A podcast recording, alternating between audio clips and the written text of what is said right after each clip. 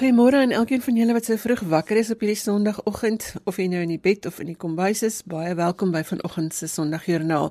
Ek is Liselde Brein en ons gesels geloofsake. Normaalweg sal ek jou ook in die motor groet, maar ek is seker nie een van ons verantwoordelike Suid-Afrikaners is vanoggend in 'n motor nie. Tensy jy natuurlik deel is van essensiële dienste en in daardie geval sê ons sommer vir jou dankie vir die werk wat jy doen. My gaste vanoggend is professor Anton van die Kerk en ons gesels oor die nuwe normaal. Dr. Bram Hanne kom gesels met ons oor die verskuifde fokusse waarmee ons werk. Dr. Gillian Arendse gesels met ons oor deursettingsvermoë en Dr. Pieter van Jaarsveld gesels met ons oor dankbaarheid. Ons nou jou uit om saam te gesels per SMS by 45889 teen 150 per SMS en jy kan ook saamgesels op ons Facebookblad. RSG se webwerf het al die besonderhede oor ons gaste en jy kan daar ook wêreldwyd na ons luister. Die adres is rsg.co.za.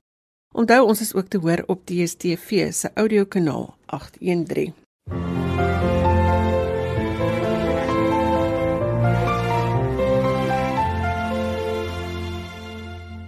Professor Anton van die Kerk is professor van filosofie by die Sentrum vir Toegepaste Etiek by die Universiteit van Stellenbosch. En ons gesels vanoggend oor die nuwe normaal en die nuwe manier waarop ons met mekaar kommunikeer en kontak maak. Goeiemôre Anton. Môre Lisel. Ek wil begin by die nuwe woordeskat op ons tonge, woorde soos die nuwe normaal, sosiale afstand, selfisolasie en 'n oormaat van versigtigheid. Uh, dit oorheers ons gesprekke deesdae. Hoe vinnig pas 'n mens aan by hierdie nuwe normaal dink jy? Weet julle wel, ek dink ons moet alvaar elke tyd bring 'n nuwe woordeskat. Mens kan aan baie voorbeelde dink. Nou byvoorbeeld iemand soos die opperman 'n totaal nuwe woordeskat geskep het toe hy in die middel van die vorige eeu begin skryf het oor die ervaring van die Afrikaner in die stad teenoor die sogenaamde gemoedelike lokale realisme waarvan Van Wyk Lou gepraat het wat vroeër die geval was. Ek kan miskien net vir jou 'n paar reëls uit Opperman se ballade van die Grysland lees. Hy skryf uit tonnels van die nagtuur ek oor rook en mis as eysterspore my in kringe van die stad instuur. Teen dakke en skoorstene blink die son soos 'n leeggeloopte dam op bottelskerwe en geroeste sink. Nou dit is ondenkbaar dat uh, 'n digter in Afrikaans sulke soort van taal vroeër sou kon gebruik het. Ons sê vir mekaar woorde open wêrelde. Dit is die krag van taal. Dat dit vir ons 'n wêreld laat sien waaraan ons vroeër nooit sou gedink het nie. En dit is ook die terloops die die die krag veral van met metafore. 'n Metafoor is 'n is 'n ongewone samevoeging van woorde maar wat vir jou 'n werklikheid oopmaak wat jy nie sou kon gesien het sonder die metafoor nie as van Wyk Lou in een van sy in die laaste reël van een van sy sonnette skryf van sy verliefde sy is vir hom 'n laaste kuil van stilte tussen riet en dan is dit 'n beeld wat jy net deur middel van die metafoor in 'n sekere sin kan verstaan en kan kan kan in die hande kry. In die wêreld van die toegepaste etiek waarmee ek my veral besig hou, was ons tot nou toe hard aan die worstel om gewoon te raak aan die nuwe woordeskat van die sogenaamde vierde industriële revolusie met sy begrippe soos algoritmes en kognitiewe revolusies en langlewendheid of longevity of morele verbetering of enhancement uh, van mense ensovoorts. Al my jongste publikasies gaan nog oor uh, om om sin te maak van al hierdie soort van dinge. Maar ons het min min het ons geweet hoe skielik hierdie nuwe krisis van die virus uh en die woordeskat wat ons nou moet ontwikkel om dit te verstaan en te bestry. Hoe vinnig dit tot stand sou kom nie. Daarom dink ek ons leef al hoe meer in 'n werklikheid wat deur Elwin Tafler al baie jare gelede die wêreld van future shock genoem is, né? Toekomskok. Dit wat voortspruit uit die nuwe besef van hoe vinnig die wêreld verander teenoor ons voorouers se ervaring van alles wat grootliks dieselfde gebly het. Vir ons voorouers En hulle tyd het die wêreld ook verander, maar dit het nie agtergekom nie. Ons word elke dag gekonfronteer, gebombardeer in 'n sekere sin met nuwe dinge wat ons die hele tyd mee moet probeer huishou. En jy vra vir my hoe vinnig pas 'n mens aan by hierdie nuwe normaal? Wat ek sou sê woordeskats gewys, dink ek relatief gou. Maar of ons gou gewoon sal raak aan die nuwe lewenspraktyk van sosiale afstand en onhoudelike handhygiëne en maskers en totale afsondering. Daarvan is ek nie so seker nie. Feit is dat hierdie sogenaamde nuwe normaal nie alleen die potensiaal het om ons dodelik siek te maak nie, selfs te laat sterf nie, maar kennelik ook ons ekonomie kan vernietig. Daarom behoort ons dink ek nie te gou of te vinnig aan hierdie nuwe normaal gewoon te raak. Jy verwys na ons voorouers, watter invloed het hierdie nuwe manier van kommunikeer op verskillende generasies dink jy? Ek dink die oorweldigende indruk wat 'n mens kry is hoe kommunikasie toenemend deur tegnologie bemiddel word. Ek dink dis een van die oorheersende insigte van ons tyd, die bemiddeling van kommunikasie deur tegnologie. Nou ons het dit natuurlik as 'n dekade of wat gelede gesien met die groei van sosiale media. Maar nou egter in hierdie afsluittyd wat ons nou beleef, is ons almal, nie net die jong geslag nie, almal is aangewese op selfone en rekenaars en internettegnologie asook afstandonderrig. Uh dit lyk vir my asof die geslag onder 40 redelik soemloos hiervan deel geword het. Selfoon vir hulle word eenvoudig 'n part en deel van jou allesomvattende toegang tot die wêreld. Nou dit het mense siens voor en nadele. Feitekennis, veral vanweë die internet en sy snelle toeganklikheid in elke situasie, is skielik op die punte van almal se vingers. Ek ek het nou nie daar toe ek nou nog klas gegee wat nou al ver terugvoel uh, wat het nou al die opgevang as jy 'n feite vra vir 'n klas vir as 'n paar sekondes, dan het hulle die antwoord want hulle kry dit op die internet deur hulle uh, selfone. Die probleem is natuurlik nie alle kennis is feite kennis nie. Die internet leer ons nie reflekteer en krities dink en oordeel. Dit is die ongeluk. En daarbey met ek vir eerlikwaar sê is ek bekommerd oor kommunikasie wat slegs plaasvind wanneer mense die hele tyd na 'n skerm staar. Ek wil is kan dit ooit regte egte kommunikasie wees. As mense is ons immers deur 'n lewende liggaam wat sosiaal verbonde is aan mekaar en waarvan liggaamlikheid 'n onontbeerlike deel van die kommunikasie is. Dan praat ons ook van lyftaal die soort van goed, né, wat 'n belangrike deel soms van kommunikasie kan wees. Dis baie jammer dat die huidige pandemie mense fisies verder van mekaar verwyder as wat selfs aan die gebeur was met die selfoon generasie. En ek hoop van harte dat ons vorentoe hierop eh, een of ander korrektief sal vind. In dieselfde asem Anton wil ek jou vra, ek het nou verskeie reaksies gehad by myself oor uh, hierdie verskillende video's en manier van kommunikeer. Watter invloed dink jy het hierdie nuwe manier van kommunikeer op ons siege? Ja, dit is so 'n maklike vraag om te beantwoord, nie, maar laat ek laat ek maar probeer die beste wat ek kan doen. Ek dink wat ek pas nou net vir jou gesê het, is in 'n belangrike mate ook die die antwoord op jou vraag, maar maar laat ek dit terwyl van die vraag op 'n effens anders manier stel. Ons is sosiale wesens. Sonder daai intieme sosialiteit van liefde en sorg wat ons ontvang en gee letterlik van die wieg tot aan die graf daar sommer is ons eenvoudig nie wat ons is nie. En een van die vreemde ironieë van die pandemie wat ons nou beleef, is dat lewens alleen gered kan word, so sê die wetenskaplikes vir ons, as ons sosiaal nie nader aan mekaar beweeg soos ons natuur in 'n sekere sin van ons vereis nie, maar dat ons letterlik gedwing word om fisies verder van mekaar af te leef. Ek bedoel nou daar sit 'n 'n wesensspanning in wat uh, ek ek wil nou nie daarmee die wetenskaplike se insigte bevraagteken nie want hulle is waarskynlik korrek maar die, maar die punt is dit is 'n dilemma in ons eie siege waarmee ons moet leer om klaar te kom. Uh dis natuurlik presies hier waar tegnologie ons wel help om die wrede eis van volgehoue afstand kommunikatief op 'n manier te probeer oorkom. Maar ek is nogal baie besorgd veral oor mense wat in hierdie tyd stoksiel alleen is. Eensaamheid is 'n hartelose, soms wrede ervaring. En ek sou nogal hoop dat daar uh, by al die ander dinge wat gedoen word daar in ons tyd en hierdie tyd heelwat strukture in plek gestel word om 'n soort kommunikasie van eensames met ander mense moontlik te maak. Dink dit is nogal 'n belangrike punt wat jy daarin raak. Die rol wat geloof speel in hierdie aanpassing van ons van die nuwe normaal, Anton? Nou, dit is 'n uh, ek dink dis 'n groot onderwerp wat self die evangelie soos ek kom in elk geval in my taamlike onkundigheid verstaan want ek is geen deskundige hier nie. Maar ek dink die evangelie leer ons baie dinge.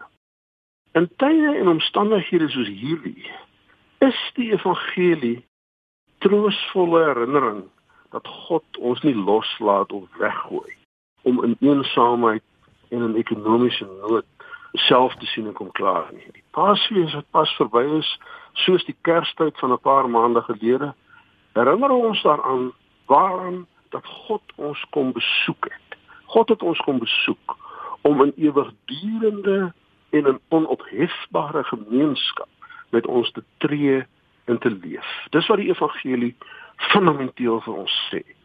Verder herinner die evangelie ons daaraan dat God deur die lyding van sy seun aan die kruis al ons laste op hom neem, ook die las van hierdie gevaarlike virus waarteen ons tans veg.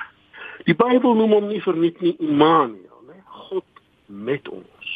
Ook hier en nou in die presidentlose onsekerheid waarin ons en miljoene mense elders ter wêreld hulle self tans bevind. Maar in die laaste plek sou ek ook sê is die evangelie 'n oproep tot 'n nuwe verstaan van en 'n nuwe geleentheid tot solidariteit. Solidariteit. Dis nie slegs ons in Suid-Afrika nie, maar is letterlik alle mense op ons planeet wat in en met ons huidige predikament moet leer huishou. Ons moet opnuut leer om almal vir mekaar om te gee en vir mekaar te probeer sorg. Dis wat die begrip solidariteit sê.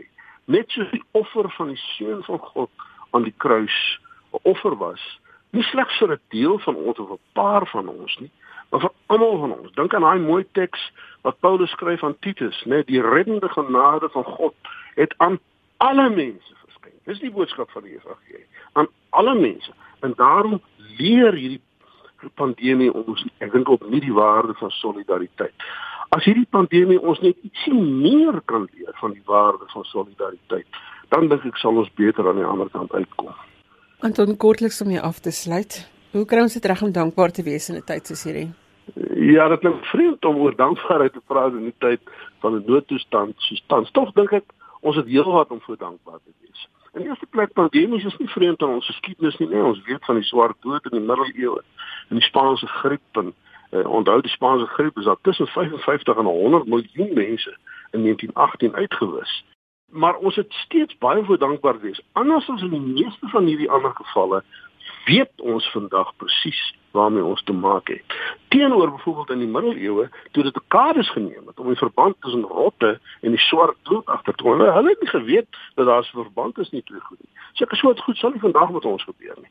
Ons kan die virus vinnig diagnoseer. 80% van geïnfekteerdes herstel relatief gou. Kinders weerstaan die infeksie goed. Waarvoor ons veral dankbaar kan wees, is die internasionale samewerking waarmee met koorsagtige haas tans na 'n vaksinne gesoek word en die sterk aanduidings dat dit suksesvol gaan wees. Kortom, ons kan veral dankbaar wees vir wetenskap en tegnologie wat ons werklik in hierdie situasie kan help en kan wys dat dit instrumente van sosiale vooruitgang is of kan wees. En daarin, dis my laaste woord, wil ook 'n waarskuwing vir die kerk. Die, kerk moet onthou, moenie die wetenskap die vyand van geloof maak soos al ongelukkig in die verlede gebeur het nie. Wetenskap en geloof is bondgenote, is nie opponente nie. Ek was in gesprek met Dr. Anton van die Kerk van die Universiteit van Stellenbosch. Anton, baie dankie vir die saamgesels vanoggend. Baie dankie. As jy sopas ingeskakel het, sê ons goeiemôre. Die program is Sondag Journaal. Ek hoop dat elkeen van die onderhoude jou iets sal gee om jou deur die dag en die komende week te dra. Deel met ons waarvoor jy dankbaar is op ons SMS-lyn of gaan laat vir ons 'n boodskap op Sondag Joernaal se Facebookblad. Die SMS-nommer is 45889. Dankie vir almal wat laat weet het waarvoor hulle dankbaar is. Die lysie het behoorlik verdriedubbel, maar ek is seker daar is nog dankbaarheidsboodskappe daar buite wat ons nog nie gehoor het nie. Jy moet tog vir iets dankbaar wees, so tik nou daardie SMS en stuur dit vir ons. Dr. Bram Hannekom is van die Sentrum vir Publieke Getuienis en ons gesels vanoggend oor die verskuifde fokusse waarmee ons werk. Goeiemôre Bram. Goeiemôre Lisel en goeiemôre aan al ons luisteraars. Bram, ons fokus moes eensklaps skuif. Ons het gaan slaap en ons het in 'n heel ander wêreld wakker geword en behalwe daarvoor is daar toe nou 'n tweede klemverskywing wat nog isolasie byvoeg. Hoe werk 'n mens nou met hierdie veranderende situasies? Deself verandering is deel van die lewe en dit is oor eeue bewys dat dis alleen diegene en kan ek maar tussen hakkies sê spesies wat kan aanpas wat oorleef. Ek probeer in hierdie dae soveel as moontlik lees en ook oor sosiale tendense en voorspellings wat al eintlik sedert die 60er en 70er jare deur 'n sosioloog gemaak is. En daar's twee boeke waarmee ek besig is, Os Guinness se Dust of Death en Alvin Toffler se Future Shock. En albei hierdie persone sê dat ons eintlik in 'n vasgeloopte situasie in die samelewing gekom het. Nou, maar jy onthou, dis al in die 60er, 70er jare geskryf van die vorige eeu.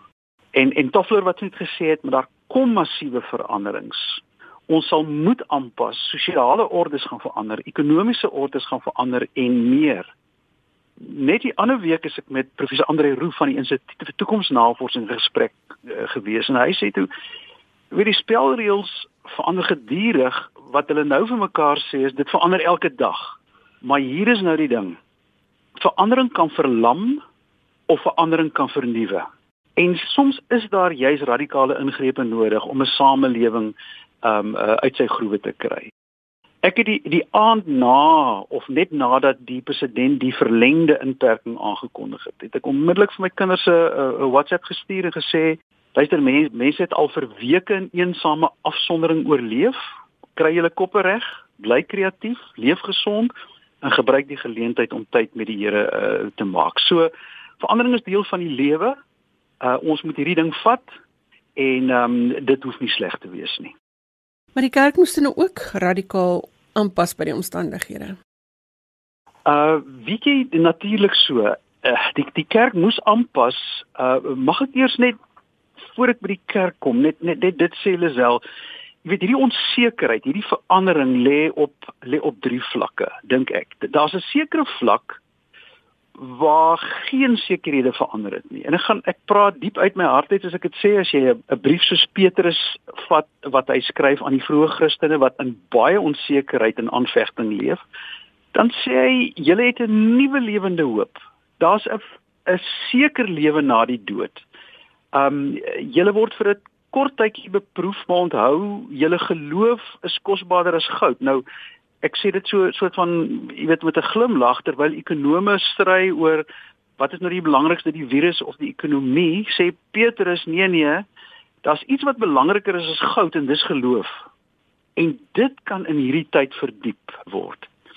Die tweede vlak wat ons moet verstaan is dat daar daar sekere sekerhede wat relatiewe sekerhede is. Ons dis die kolletjies wat ons verbind. Dis scenario's en modelle wat ons wat ons bou Ek een voorbeeld gee.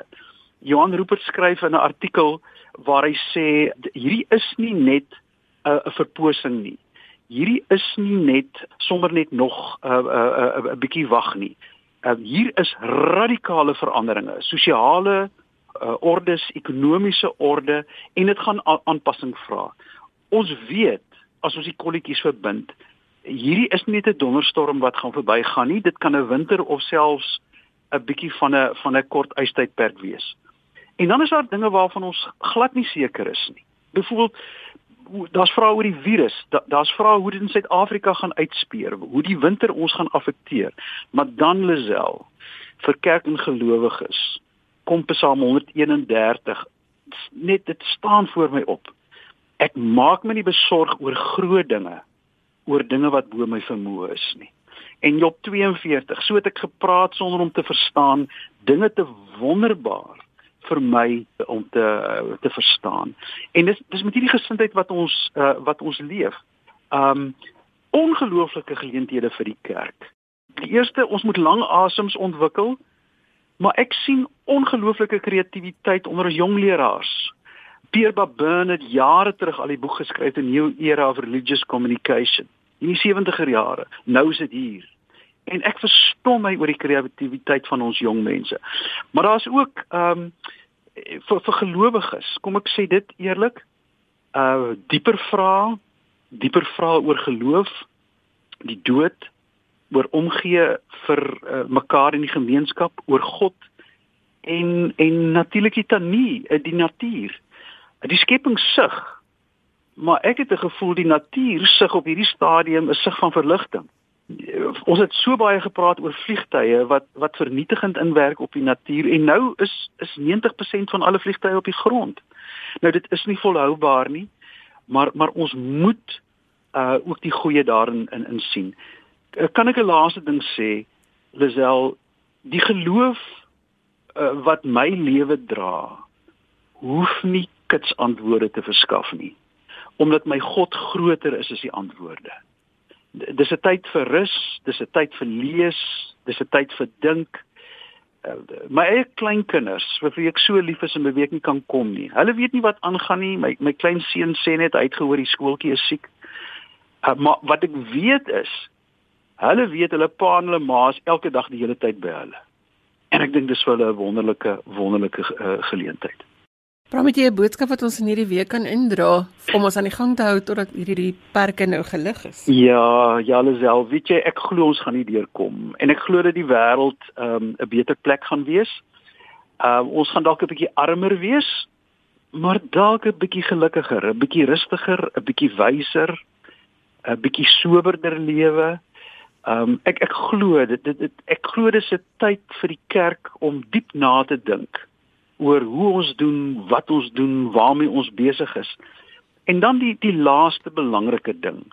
Ek glo absoluut dat God se beloftes hier in April 2020 net so vas staan soos wat dit 'n jaar gelede en die vorige jaar en die eeue tevore was. Dis dieselfde Here wat met ons op 'n reis is. Um en ek glo dinge werk ten goeie mee dit gaan nie maklik wees nie. Daar kan trauma wees. Daar's alreeds mense wat trauma beleef. Maar maar uit hierdie tyd van loutering kan daar 'n geloof groei wat net sterker kan wees en mag die Here ons daarin begelei. Dr. Brahman, kom ons van die Sentrum vir Publieke Getuienis. Dankie Bram vir die saamgestel vanoggend en vir die boodskap wat ons het om in te draai hierdie week. Dankie Lisel. Goeiemôre hier vanuit Kaapstad. Jy luister na Sondagjoernaal en ons soek al die positiewe stories waar geloof 'n verskil maak. Jy kan gerus van jou laat hoor. My e-posadres is lazel@wwmedia.co.za of jy kan vir ons SMS by 45889. Ek gaan aan die einde van die program my kontakbesonderhede weer gee, so hou 'n pen byderhand. Dr Gillian Arendse is die adjunkdirekteur by die Sentrum vir Studente Werwing en Loopbaanadvies by die Universiteit Stellenbosch. Hy sing ook in die Libertas koor en hy is 'n man met 'n gawe en 'n talent om te inspireer. Goeiemôre Gillian. Goeiemôre Lisel. Gillian se behalwe nou vir die Libertas koor sing, wie is Gillian Arendse as ek nou jou dag bekoopslaan? Man kyk dit is mos net 'n moeilike vraag. Ek ek dink mense seker maar begin by by wat is Gillian Arendse? En soos jy nou gesê het, ek ek werk by die Universiteit van Stellenbosch en ek het 'n 'n doktorsgraad in kernfisika Maar weet as mens kyk na al die mense op die pad wat wat leer bestuur dan het hulle mos die L agter in die venster. Uh so, so ek dink ek is ook ek is ook en ek maar 'n L. Ehm uh, so ek dink as dit kom by Christendom dan is ek seker nog 'n leerdertjie. So ek is ek is ook deel van die Somerset West uh United Church. Ek is daar deel van die lofspreisingsgroepie waar ek probeer om op iets na van 'n basgitaar te speel. Uh, en dan dink ek maar soos soos die gemiddelde mens probeer ons maar maniere vind om dit wat in die Bybel staan werklik toe te pas en dit is my uitdaging.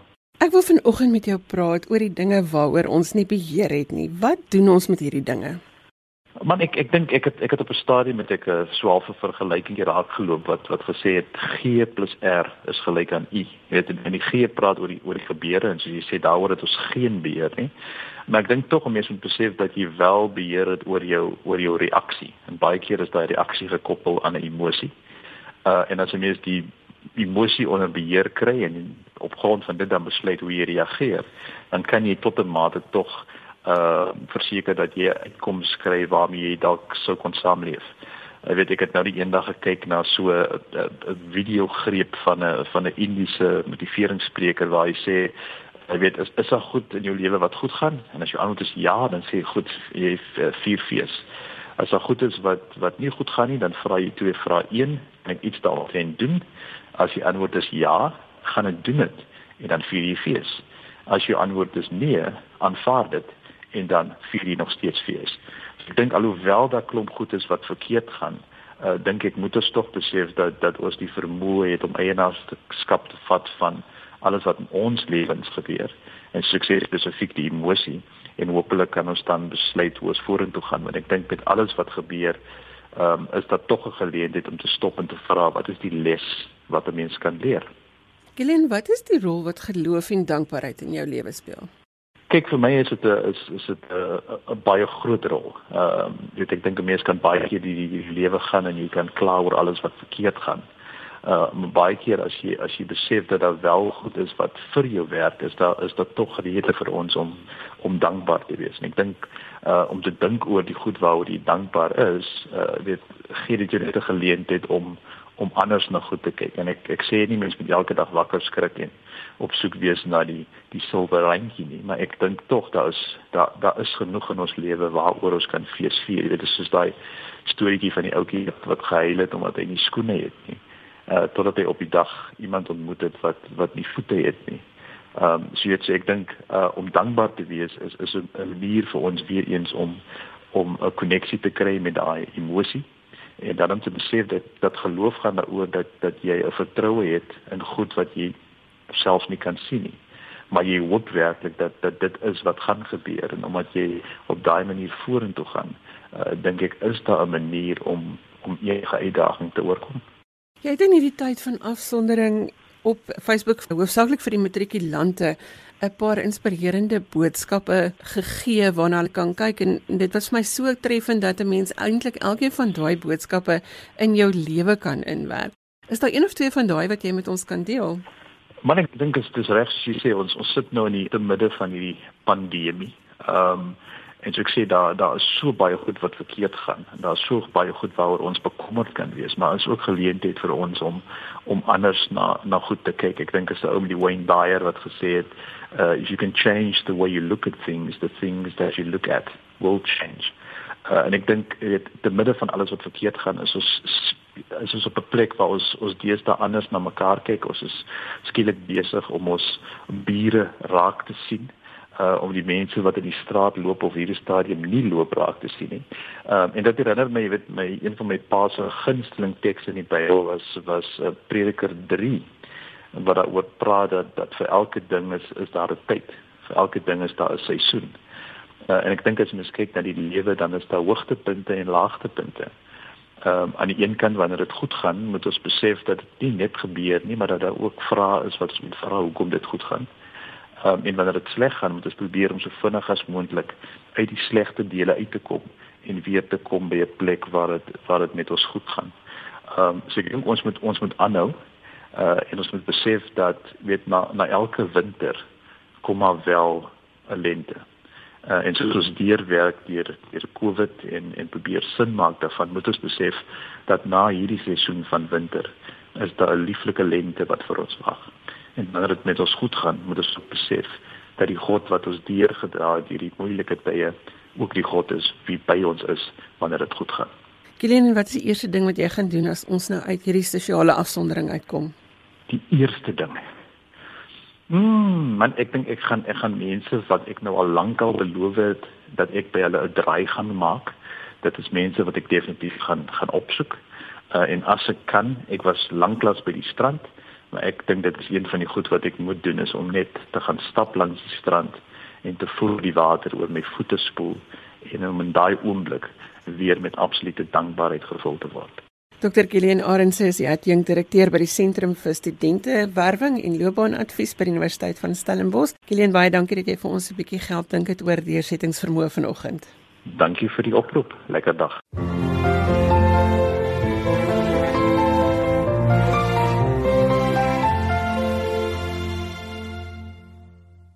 Ons het 'n week of wat gelede gesels met dokter Pieter van Jaarsveld oor die klein dingetjies wat 'n mens moet doen om blydskap deel van jou groter geheel te maak en ons gesels vanoggend verder hieroor. Hy is sielkundige en teoloog, so ons gesels uit die oogpunt van geloof oor hierdie dankbaarheidsproses waarmee ons besig is. Goeiemôre Pieter. Môre is wel lekker om weer te kuier, hoor.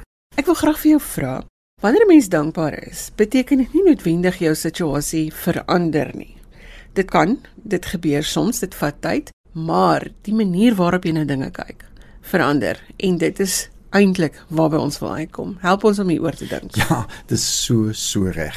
Ek dink vir baie mense is dit oh, hoe het Paulus en Silas regtig dit kon gesing het lofliedere in daai moeilike omstandighede. Ja, dit is inderdaad so, dis nie vir ons almal so maklik nie. Maar nou die wonderlike ding is wat ons in die laaste program oor gesels het. As 'n mens 'n dankbare lewe lei, met ander woorde regtig op die uitkyk is, het ons nou agtergekom in die laaste program. Nou soek die brein eintlik meer vir positiewe dinge. Dis wonderlik hè, as 'n mens daaraan dink.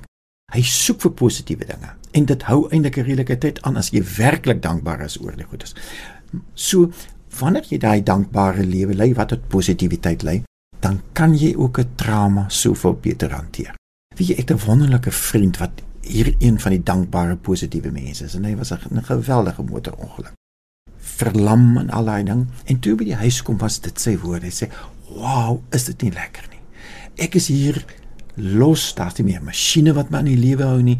Ek is hier, ek kan rond beweeg in my huis." En dit is nou regtig om dankbaar wees in in in baie moeilike omstandighede. Dit is waar dit kom op die ingesteldheid. Die ingesteldheid bepaal eintlik hoe mens dinge hanteer.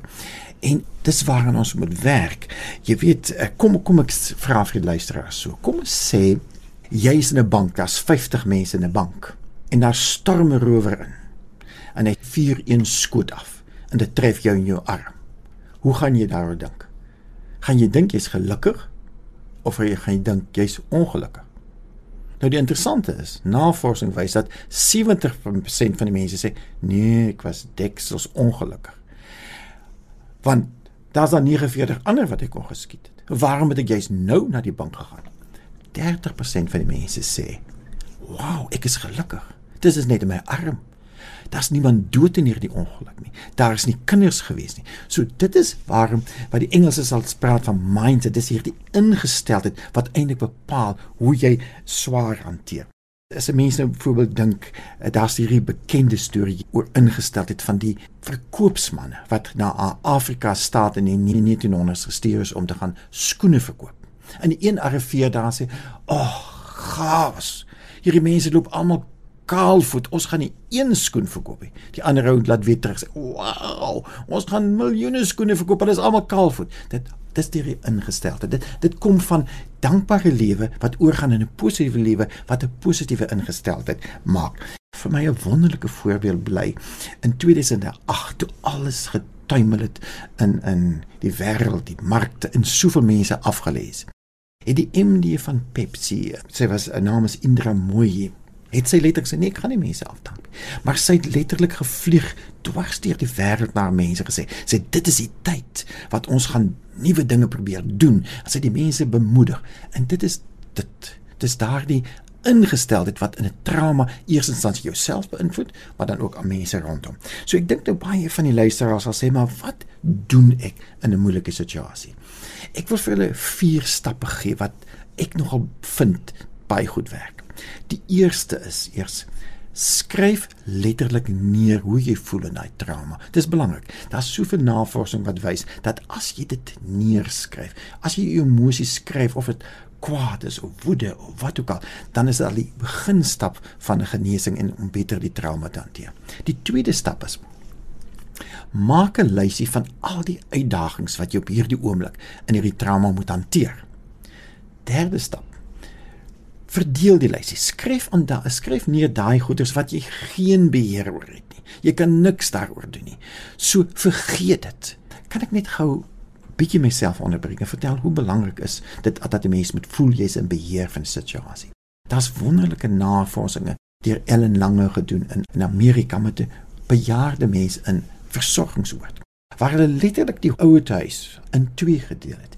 Die een helfte van die ou huis het die mense net beheer oor twee dinge gehad. Hulle moes na hulle eie potplant omgesien het. Hulle het almal potplante gekry en die ander ding is dat hulle uh daar's 'n video vertoning twee keer per week. Hulle kon self kies watter aand hulle gaan. Die ander gedeelte, die potplant was daar, maar hulle hoef nie te versorg nie, die verpleegingspersoneel sou. Die ander ding is daar's 'n fliek elke twee keer per week ons sal sê wat er aan jou kom. En die interessante die mense wat beheer gevat het oor die situasie, daardie ou mense wat net potplant gekyk het en besluit watter ander gaan fliek, hulle was gesonder, hulle het langer gelewe. So so dis belangrik vat beheer. Vergeet wat jy nie kan verander nie. So hierdie lysie bestaan uit twee dinge. Hierdie dinge het ek geen beheer oor nie. Vergeet dit. hierdie lysie, hierdie goeders uit die beheer. En dan die vierde stap is: vat daardie dinge waaroor jy beheer het. En dan besluit jy jy gaan hulle begin iets daaraan doen. En die belangrike ding is, vat die maklikste eerste. Begin met die maklikste ding want dat jy voel jy kan sukses kry. Hoe meer sukses jy het, hoe beter voel jy dan gaan jy na die tweede een en dit is letterlik mense hierdie dinge hanteer. So met ander woorde, ons kan en ons moet eintlik gelukkig wees deur 'n dankbare lewe te sê want dan het jy beheer oor die dinge wat jy kan hanteer. Pieter, daar's verskillende neurologiese prosesse wat plaasvind wanneer ons positiewe woorde gebruik. Ons het voorverlede week so 'n bietjie daaraan geraak.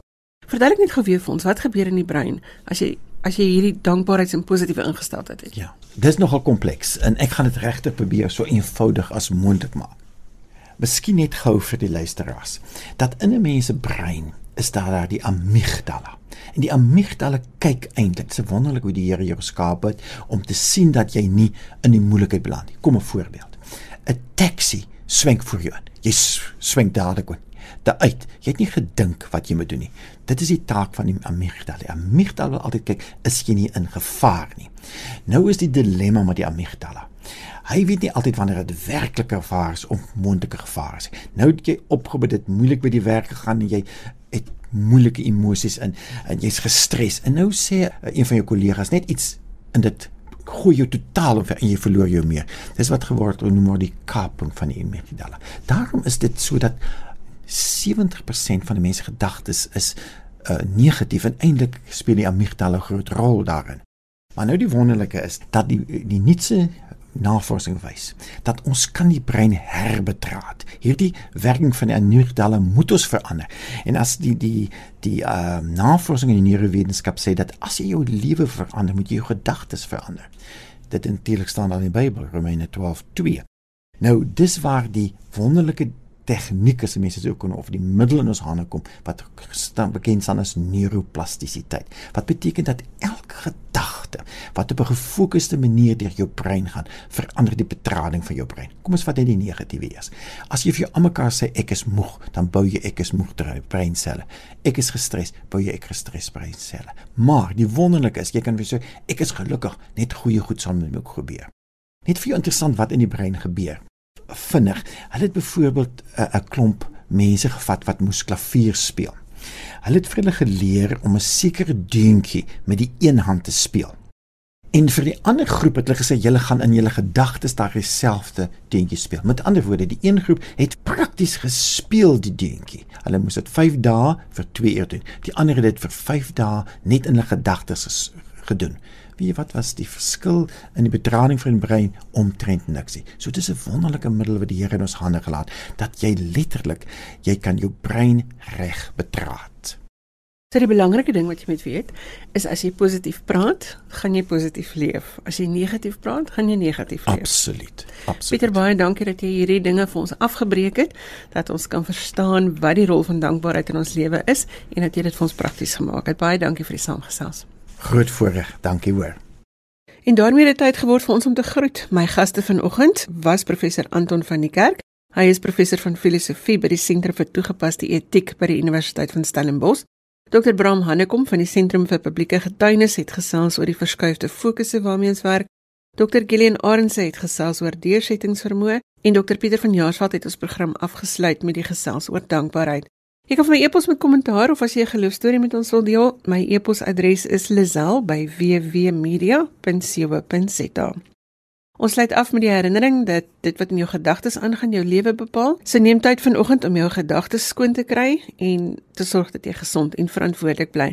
Tot volgende Sondag. Totsiens.